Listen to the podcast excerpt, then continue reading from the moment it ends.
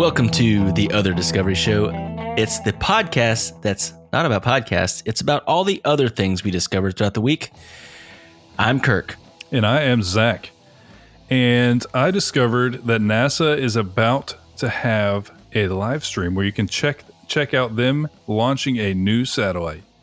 So I always just like tracking this because it's one of the the benefits of the time we live in where it's not like, oh, I need to go down to the Air Force Base or to Na- like one of the NASA locations to see a launch. You can watch it live streamed because that's that's the new world. And I've watched NASA a few of these live stream now. yeah, it's pretty awesome. They're doing it again from a, a Falcon 9 rocket, you know, the SpaceX Mhm, rocket. Um, it's on Saturday, November 21st, is when it's scheduled. So that's next Saturday, I think. Um, and basically, they're launching a new uh, satellite that essentially is just going to be another one that's in collaboration with NOAA that'll be looking at everything. But it's just another cool chance to see a rocket launch. But I saw this and it made me think of like you know what what's what's going on with NOAA? because we used to use NOAA all the time and for anybody who doesn't know that is essentially the government's weather um weather That's what all the farmers. department That's what all the farmers use. When, Yeah, when because there's a it's- freeze coming. It's very accurate, and you know it, it's not. It, it's not privatized, so it has all. everything It, it's it's the giant network. You know, there's there's stations everywhere. It's not just ooh, the Weather Channel's got stations here, here, here. It's the government stations that are all these government buildings and stuff. It's a it's it's a very big network, so it's yeah, very it accurate. stands for the National Oceanic and Atmospheric Administration, and it is this year their 50 year anniversary. They've been going for 50 years now, and they honestly tie what they're doing to in 1807. Thomas Jefferson founded the U.S. Coast and Geodetic Ge- Geodetic Survey, so survey of the coast, to start charting um, the oceans Mm. and then also start to like work with all that. And then because the interesting kind of thing about this is when you think about it, they're talking about the oceans and they're talking about the atmosphere, which don't necessarily seem linked, but for a really long time, they have been dedicated to both of those things because they're completely linked. And so in the end, some of those oceanic studying groups ended up leading to this. So it's just a cool thing that uh, NOAA also turned 50 this year. So it's a birthday announcement and, you know, A chance to watch coming up. a rocket shoot into the sky. Awesome. Uh, Zach, have you ever seen a meat shower?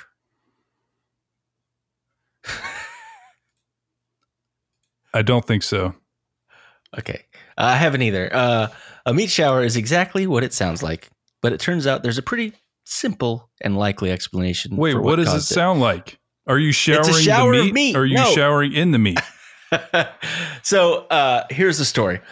On a cool March day in Kentucky in eight in 1876, hunks of meat rained down from the sky, uh, and it's been reported in all these old newspapers from Kentucky. And there's actually a uh, a professor at of Transylvania University, but which apparently is in Lexington, Kentucky. But it sounds like it's you know for vampires. Uh, Maybe Um, it is. Maybe it's the vampire school in Kentucky. Kentucky vampires. Kentucky Vampires. I would watch that movie. I'll be honest with you. I would watch that movie. They're not dangerous because they don't have all their teeth. Oh, that's the twist. You know, they have to figure out how to how to survive with no teeth. Sorry for anyone Uh, from I'm Kentucky. sorry. We're It was- joking. It's a it's, We're it's a joke. joking. It's a joke. Um, uh, but apparently he was on a show, a, a podcast actually. Let- Let's take note of this one because it sounds interesting. He was on a podcast called uh, episode of Motherboard. It's a podcast. Science solved it. Mother Science solved it. I don't know if it's motherboard or science solved it. Anyway, um, it sounds like a good, uh, a fascinating story. But in that, he said in 1876, if you said, "Oh, it was a horse wagon full of meat," that was like saying now it's like a big gulp for McDonald's. So everybody knew exactly what that meant. So apparently, it was like a uh, it was like a zeitgeist. Like everyone knew about this shower of meat that had fallen from the sky in Kentucky, and apparently it was like a lot. Like not a little bit. It was like a lot. Like it could fill up a wagon. It was that's what they say. You know, it was it was a it was a good bit of meat, and he's the expert in this meat shower. Uh, Goad Meat became shower interested. expert, the best title you can give yourself. Goad became interested in the meat showers after moving to Kentucky and picking up a book about local weather phenomena, which I have always been fascinated with, like crazy things that have happened, like ball lightning and stories about that. Mm, it's crazy. Yeah. Like there's really cool stuff with with weather, and it's and you talk about NOAA You know, there's crazy weather stuff. Uh, Shortly after, while going through the school's archives to photograph old portraits, he stumbled across an old jar with a small chunk of flesh floating in amber liquid. Based on his knowledge of the event and the dating of the jar, he was able to determine that it was a sample of that very meat shower. At the time of the meat rain, locals were puzzled about what could have caused meat it. Meat rain. they tried to determine what kind of meat it was, with guesses that ranged from mutton to bear to bear meat, and some neighbors were even brave enough to eat it. Okay, if if meat falls out of the sky and you don't know where it came from, don't eat it, guys. this is a PSA from the I podcast mean, Discovery Show. Does it need to be? Uh, isn't it natural selection at that point? If you're eating sky meat, you're just rolling the dice. He even has a quote. He says, "So meat falls from the sky, and apparently that's not alarming enough for them not to eat it." Goad says. Uh, but even after tasting it, the townspeople of Olympia Springs, where the meat fell, couldn't surmise how it happened. Samples like the one sent to Transylvania University were preserved and sent to scientists around the country, but before they got a chance to present their hypothesis, everyone kind of lost interest. uh, so that's where Goad comes in hundreds hundreds of years later, and they do have a pretty gross but makes sense uh, theory as to what it was. Basically, the theory is vultures when they are eating, you know, a dead animal, if they get scared off and they're sometimes they will eat till they're too heavy to fly very well and they will literally make themselves vomit. So they're saying it was like a giant flock of vultures that apparently had eaten a ridiculous amount of meat and something scared all of them at the same time and it was just vulture vomit all over these people uh, at this farm. I I guarantee they're not able to wrap their mind around that because they ate it. They're like, "Oh, this is pretty good." They don't want to know that it was vulture inside of a vulture. Uh, his quote is, "It's not all like it was run through a meat slicer, so it was different sizes and it was torn to pieces. So it does make sense." And it also makes sense because the scientists who later looked at it under a microscope didn't venture any guess as to what animal it came from, but they noticed that there was cartilage and lung tissue. So it was like the insides of an animal as well, not just like flesh. So oh, it's gross, but uh, that's pretty gross. Yeah. that's meat rain for you. Honestly, the grossest part is that people just ate it. yeah. People are gross. People eat anything, I guess. Yeah, I mean, uh, I was like, I, I, have heard the story because in chat they're talking about maybe it was somebody blew up a cow. The, the one where they blew up that whale that, that whale? itself. Yeah, that's meat rain, or no, what do you call it? Meat shower. Meat shower. Because they they didn't know how to move the whale, so they put dynamite in it, but they didn't put enough, so all it did was shoot like they, like forty pound chunks of whale all over the place. surprised that they didn't freaking kill somebody. it really is amazing. But whoever just came up with the idea, you know what? That thing's big. We need to get it out of here. Let's blow it up.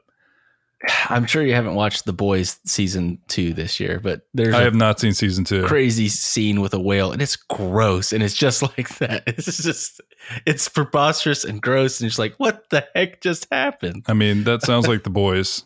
yeah, pretty much all of it.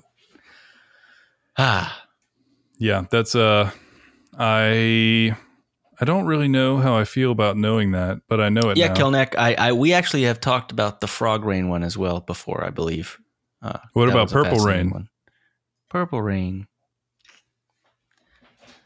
Okay, Kirk, we have missed not one but two calls from Johnny.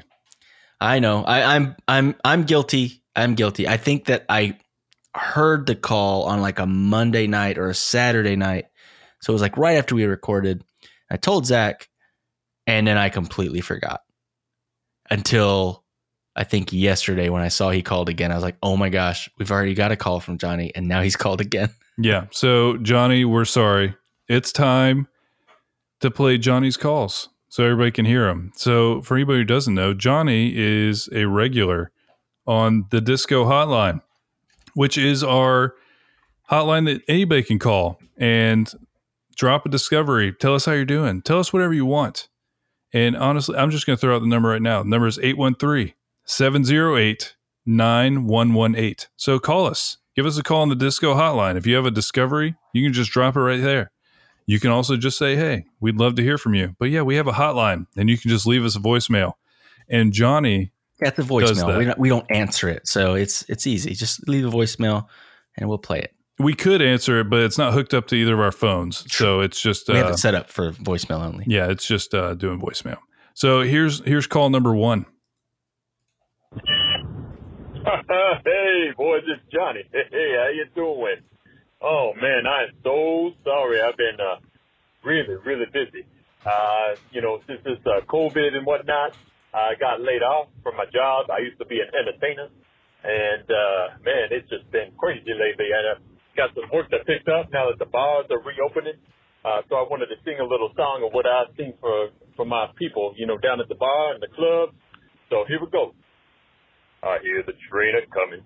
It's coming around the bend. I ain't seen the sunshine since. I don't know when I'm stuck in Folsom Prison. Time keeps dragging on. That's it right there, man. That's Johnny Cash. All right, well, hey, you guys, uh, keep up the good work. I've been listening to the show, and uh, you know, I heard that uh, the salad dressing. You guys was talking about salad dressing a little while back. And I was just going to give you my little recipe for Johnny's Kit for the week. Yeah. All right, so here we go. Here it is. Here it is, buddy. All right. So you put in just a little bit of vinegar. You can do any kind you want. You could do a little bit of uh, uh, balsamic or just a plain vinegar. It's delicious. And then you put in a little bit of spicy mustard as your emulsifier. You got to emulsify. You know what I'm saying? Jack, I know you know what I'm talking about. I don't know about Kirk though. he don't know nothing about the salad dressing. Anyway, put a little bit of that, and then you put a little bit of olive oil in there. Put a little bit of lemon. Squeeze that lemon real good. You know what I'm saying? And then you drop it in there, and then you give it a little shaky shake in a little container, and you are good to go. Simple and delicious. All right, guys, I'll catch you later. Peace out. So yeah, Johnny sang Johnny Cash for us. Okay, if we get a takedown notice from Twitch because of Johnny's freaking phone call, he's saying Johnny Cash. I mean, luckily, luckily they can't. I don't I'm think they're gonna be picking it up because I'm looking at the transcript here, and he said, "I used to be an entertainer, and here's how Google translated it: I used to be attended penis and man." The Google. Okay, no, but the next sentence, next sentence is even better. It's just been pretty lazy and got some work that picked up now that the balls are reopening. oh God, what? Like is- all of the transcript Google, is messed get up. your mind out the gutter, man. I know. So I'm hoping that because Google can't understand what he's saying, that whatever the algorithm is won't pick that up as Johnny Cash. All right, and and why why is it that I don't know anything? I don't know. Everybody I don't know why loves you, hates me, and I don't know anything. I don't know why he's going at you about emulsifiers and salad dressings, but he is. I so, 1000% know what emulsifier means. What? yeah, I knew he did. what we need to do is we need just to have Kirk is going to do a tasty discovery next week where he makes salad dressing and he can make Johnny salad dressing. it does sound tasty. Okay. That was only one. Here's Johnny take two. two. Okay. Johnny, take two. Hey boys, it's Johnny again. Hey, how y'all doing? Hey, listen up. Uh, you know, I, I was listening to the show uh, last week. You guys were talking about the GBBO, Great British Bake Off, right? And uh, you know, I was just saying, I'm a big, big fan, big time fan. And uh, I, I really, you know, I miss Mary Berry quite a bit. Uh, but, uh, you know, I, I, I like, uh, Prue, uh, the new judge. Uh, anyway, you know, I was just going to say, uh, that I do have another culinary tip. Uh, you guys were talking about making some ice cream. And, uh, I was just going to say that, uh, if you want to make some ice cream, here's how you do it. Here's how you do it right. You got to use some dextrose. You can't use table sugar because it will crystallize too quickly. You got to use dextrose. That's right. And then you can always put a little additive in there called guar gum. And it is a natural occurring substance found in plants. And it will help to thicken your ice cream. It is delicious and makes it real creamy. So that's all I got for today. I hope you guys are doing good. I miss you. I love you, Zach. Bye bye. so, okay. Why? Why only Zach? Once again, no one loves me. Once again, I mean, this is just Johnny.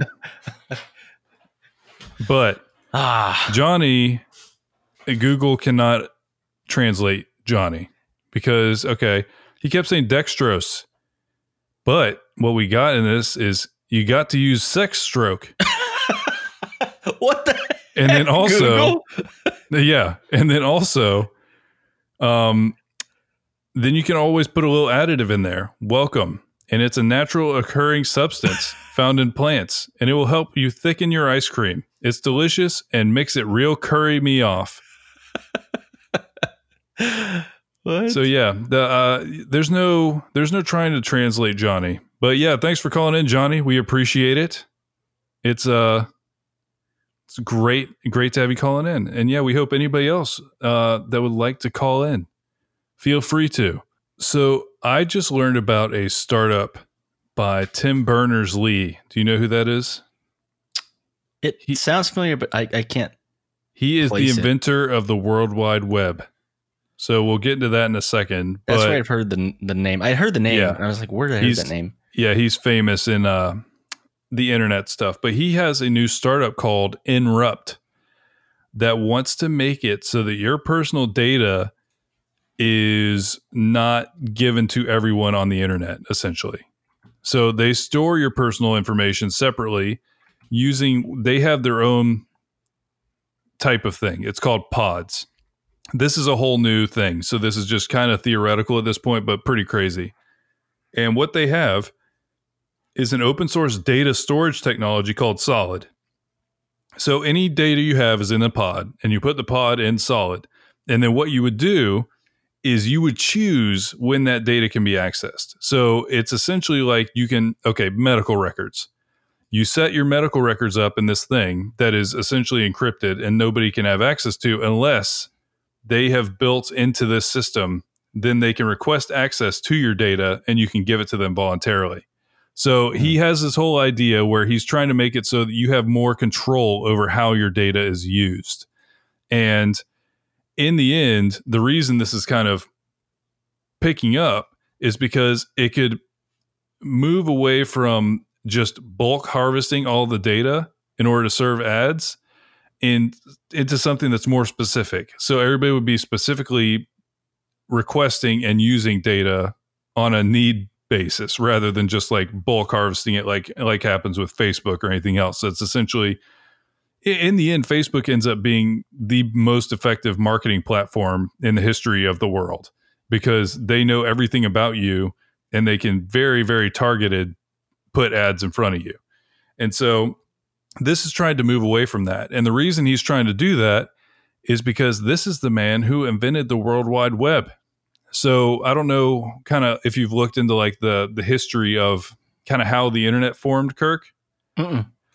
So it started out with just like a network that was created by like the military, and it was just they they connected computers together for the military. So almost like it was one to one email, right? Like yeah, pretty much. They they did not have uh, the like for the lack of the better word, a web. You know, a whole collection of everybody being on the network. It was like they wanted to prove the concept that you could connect it, and they uh, they did prove that but then in, I believe it was 89. Okay. In 89, Tim Berners Lee got upset because it was hard finding information stored on different computers. And so he invented, well, he wrote a, a memo that was just called information management, a proposal. And then he started using the words like hypertext, hypermedia, World Wide Web. So in 1990, he built something called the World Wide Web, uh, one word, which was a web of hypertext documents, which basically meant he wanted it so that you could type something into an address bar and go directly to something you're looking for. Hmm. And that was his entire concept that literally made how we view the internet because literally the www is the World Wide Web. It was originally supposed to be the specific address for what he was doing because he was working with uh, at, he was working at CERN. So like he it was called www.cern. something. So it was that specific address, but it just took.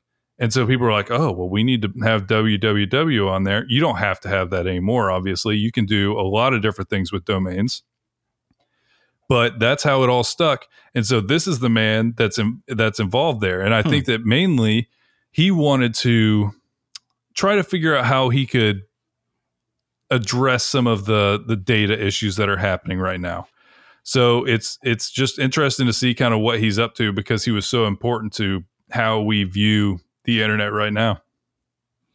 No, that's that's fascinating. I, I don't understand the pods thing. Like, so you Explain it to me one more time, like like I'm five years old. Yeah, well, okay. Basically, all it is, and it, Scott said in chat, everyone's data is spread everywhere. Yeah, it would have to be starting at a point. You know, anything you've already, anything you have on Facebook, it's already gone. That ship has sailed long ago. But essentially, you could start to categorize new data into little containers that are only accessible if you allow them to be. Is what mm. it hmm. is. And so, okay, if a doctor's office wanted to access your medical data, they would have to have a plug-in essentially for the storage like side compartments. Yeah, and they would have your... to request it. It wouldn't just be like a, a a free sale. Just everybody take whatever you want. It's all fine. Because I think we've talked about before, but it's not really something that we knew was going to happen.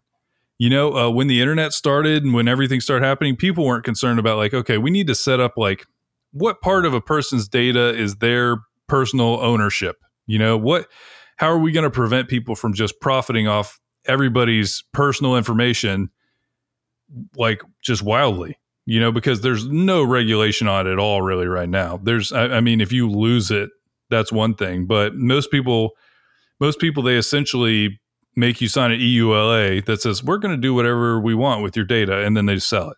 You know, that's the that's the move right now. So they go. It's like putting cups of info. I yeah, get it now. Pretty much. now I understand. Like, yeah. So if your doctor wants a pudding cup, they have to ask you for it, and then you get to give it to them. Yeah, so the the solid that you were saying is your lunchbox. Yes. And the pudding cup is the information. Yes. Okay, I got it now. And so then if your doctor wanted to get your pudding cup, they would have to go ask your lunchbox. I got it. Perfect but yeah, no, it's just it's just cool to see what somebody who was so important to the internet was uh, currently involved in. You know, he's very, very interested. It, it's I don't know. It's just one of those things where there's like some legendary stuff on the internet, and it's just interesting to see how it progresses. Okay, I'll throw it out there, Kirk. You might want to cut it because it's kind of like hot takey. Not okay. really though, but it's just it's very controversial. So I read an AMA the other day uh, by the founder of Anonymous, the very famous hacktivist group. And he is coming out of retirement because he is going to try and take down QAnon. And it's like the wrestling match from the internet of destiny because you have Anonymous going after QAnon. And I was just, I, I read his AMA where he was talking about all this. And I was just like, you could not have made anything that's more like internet drama possible. Uh, it sounds fascinating. Oh yeah, no, I will be watching what's happening here, and there will be podcasts made no matter really what happens. Q is an actual person, and I hope that it's somebody that we all know, and it's some super idiot person. uh, Carrot Top. Uh, that's who. Yeah, if it was Carrot Top, no go. one would see that coming ever. Okay, so I found. Uh, I, I wish that I would have found this one sooner or thought about it. I, I have heard this story before, but I, I, just popped up on my radar again. It's it's very spooky. It's very creepy, uh, and it also is a Florida man. So I have a Florida man story for you guys. Uh, it might be a little bit long because it's just it's such a crazy story. It's about the guy named Carl Tanzler and his Carl obsession with Elena went uh Hoyos, Elena Hoyos, uh, and how he took his love for her just a little bit too far. Uh, true love, or at least true obsession, conquers all. In this case, it even conquered death. In 1933, Carl Tanzler was so head over heels for 21 year old Elena de Hoyos that after she passed away, he stole her body and took it home, where he lived with the young woman's mummified corpse for the next several years. Tanzler, Tanzler would have continued his sick ruse under the until the end of his life, but he was caught in dramatic fashion by her sister, leading to one of the strangest cases of grave robbing and necrophilia of the 20th Oh century. Oh my god! Yeah, I I listened to that Florida Man on Florida Man show, and they talked about this one. It's just an insane, insane story, and it went to court, and there was all this. And if you look at the pictures, like literally, he just looks like the a nice old man. And way down at the, they show a picture of her Wait, her They- before she died. before she Oh, died. thank God. No. But then they have a picture of the mummified corpse and he oh it's it is a thing of nightmares. It's the it looks like he put like a rubber mask on it and it looks almost like Oh my God! This the is Halloween. horrible. Are you looking at it? It's no, terrifying. I'm not looking at it. You need to look at it. Look All at right, it. Did you look at it? Look at it. Uh, oh, it's so. It's just a crazy story about how when this dude was, was. this? Thirty. This was in the 30s. Yeah, in the 30s in Key West. Uh, I'll, I'll give a little bit of tidbits of the story. So, the German born radiologist came to Key West, Florida after leaving his wife and children in 1926. Once in Florida, he presented himself as a count and claimed to be a former submarine captain who moonlighted as an inventor. I'm a count. I used to be a submarine captain, and now I'm an inventor by night. the next year, he took a job as a radiologist at the United States Marine Hospital. Tanzler kept to himself, but when he he met a patient named Elena de Hoyos, he came out of his shell. Supposedly, Tanzler had been dreaming of a woman with dark hair, and Hoyos fit the bill. He was immediately enamored with the young woman, and he continued to lavish attention on her as she grew more and more ill. And apparently, she she passed away of tuberculosis, and it it was it's just this crazy story. And at first, her family was like, "Oh, he's so thoughtful and he cares about her," and he used to go to her her grave every day. And the family like, "Oh, he's just so broken that she passed away, and it's so sad." And then all of a sudden, he stopped going to the grave, and they're like, "That's kind of weird." He went every single day, and now he doesn't go at all, like not even once. It's because she wasn't in there anymore. He was in her freaking house. Oh, it was. It's it's such a weird, weird story. This is horrifying on a level I was not expecting. and th- they said he was observed dancing with the body, like he would dance mm-hmm. with it, like around the house. Okay, this guy was not right. no, he's guy not, was right, for sure. Oh, And okay, just beware looking at that link because it's horrifying. It does, it does not get better. Yeah, he does just look like a little old German man, but that mask thing. it's terrifying. Like I said, this would have been much better during Halloween. Yeah, no, that's that's all over the place. Uh, that's craziness. Yeah, it says they discovered that Tanzler hadn't just rebuilt Hoyo's body until she was more doll than woman. He'd also inserted. Never mind. I can't read that part. It's crazy. It's a crazy story, guys. Yeah, And you're not wrong. It's a Florida man story. Welcome to Florida. That's terrible. Okay, I'm going to change this topic now. Uh, I read about a Japanese town that deploys growling monster wolf robots to scare away wild bears. So, if anybody needs a little uh, eye bleach after looking at that disturbing body thing, this is robot wolves. Okay, I got to look at this because now I need to get that out of my brain. A town in northern Japan has recently been plagued by a plethora of wild bears, roaming around neighborhoods and petrifying residents. In an attempt to prevent attacks, the town of Takikawa has now installed terrifying robotic wolves to howl at the bears and scare them off. So what they have is How is this better? I mean, it's better and not. No, it's 'cause the- these are terrifying. Yeah, but that won't actually kill you. It's not a bear. It's so scary. Yeah, so it looks like a Halloween prop of a wolf that's on top on top of a bunch of megaphones, and it apparently will yell at you. It'll like growl, and they'll howl at you, and they'll flash lights in their eyes. So yeah, for little kids, there's no winning for the little kids in Japan. They're going to be having nightmares no matter what. But Oh, essentially, this is uh, how the chupacabra goes to Japan. This is this this is what happens now. Yeah, pretty much. But yeah, they're motion activated. And the idea is because, and they think that essentially the bear attacks are happening due to a shortage of food. And like, it's just they've been approaching cities to try and find food. And so these monster wolves, these robotic wolves, as soon as the motion detector goes off, they start making 60 different horrifying sounds, including howls. Have you And listened to it yet? I have not, and I'm not going to do I it right I'm now because uh, then we're going to uh, hit our. We can't do it on Twitch, Oh yeah. but we linked it. but the company behind the machine said that it sold nearly 70 of them since 2018, and they're in various locations around Japan to protect crops and neighborhoods from wild animals. So it's a perfect solution. You build horrifying robot wolves to scare away the bears. I just listened to it. It's so scary. so scary. This looks like something from like Halloween Horror Nights or something. Oh man. So uh, wolves are that? I mean, bears are that scared of wolves?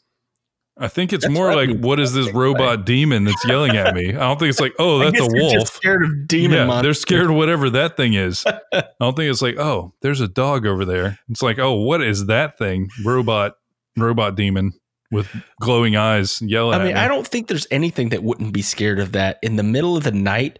Oh God, those noises are horrible. It's got like a strobe light tail. It's got dark, I mean, bright red eyes.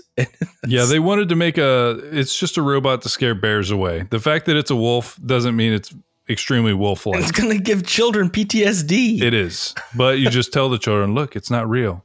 It can't hurt you, but the bears can. You've got to listen to that. It's so. No, I will. Just not right now because it will play it over the stream. Oh man. All right. Well, those were some creepy, uh, funny, and great discoveries we had this week. I know which one was creepy. I'll, I'll take the I'll I'll, I'll I'll take the bullet on that one. Uh, it was creepy. It was a creepy one. Well, thanks so much for listening, and we will talk to you next week. Bye.